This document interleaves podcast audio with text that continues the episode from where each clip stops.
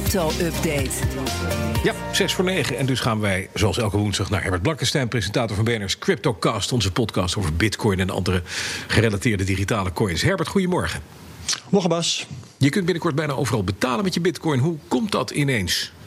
Nou, dat komt doordat Binance, dat is een bitcoinbeurs, een samenwerking aangaat met een groot creditcardbedrijf.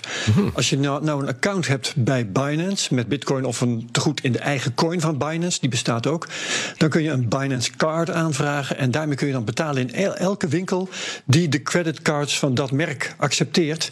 En dat zijn er 46 miljoen, 46 miljoen bedrijven overal ter wereld. Dat zijn er nog wel wat. Maar accepteren die bedrijven dan nu ook opeens bitcoins? Nee, dat hoeft dus niet.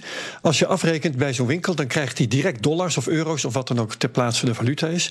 En de tegenwaarde in crypto wordt dan van jouw rekening afgeboekt, automatisch. Mhm. En uh, een kleine tip daarbij, eh, dan kan het slim zijn om meteen je tegoed weer aan te vullen. Stel dat je dat niet doet en de cryptokoers stijgt, dan heb je met terugwerkende kracht een hele dure aankoop gedaan.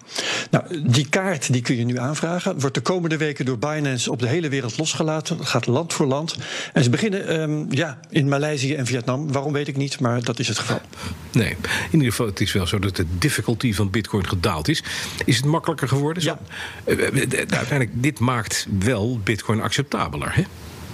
Uh, nou, die difficulty, dat, het zou fijn zijn als het allemaal makkelijker en acceptabeler wordt, uh, zou worden bij Bitcoin. Maar de difficulty is iets wat belangrijk is voor de miners. Dat zijn de ondernemers die met hele zware computers die blockchain bijhouden. Ja. Wat de administratie is van alle Bitcoin-transacties.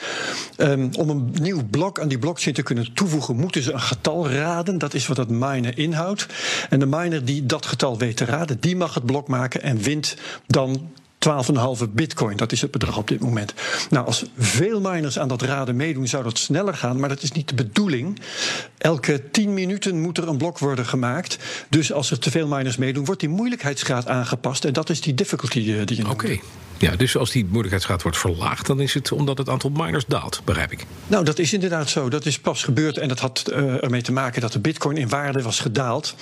En sommige miners maken dan geen winst meer en gooien het bijltje erbij neer.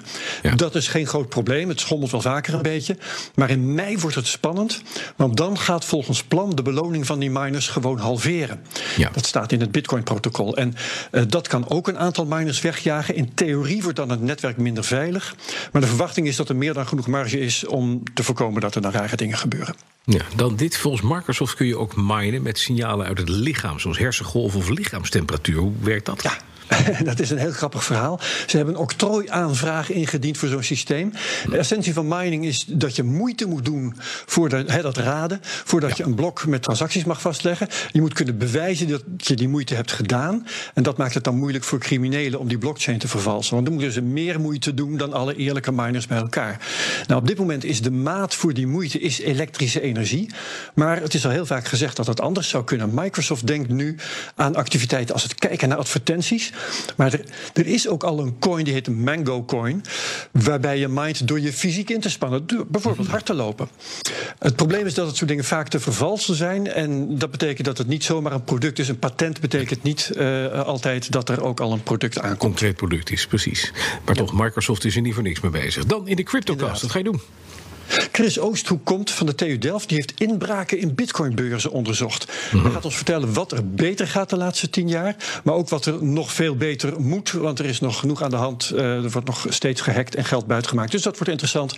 Is te horen vanaf morgenavond. Dankjewel, Herbert Blankenstein. Alle afleveringen van de CryptoCast te beluisteren via de BNR-app, bnr.nl of in je favoriete podcast-app.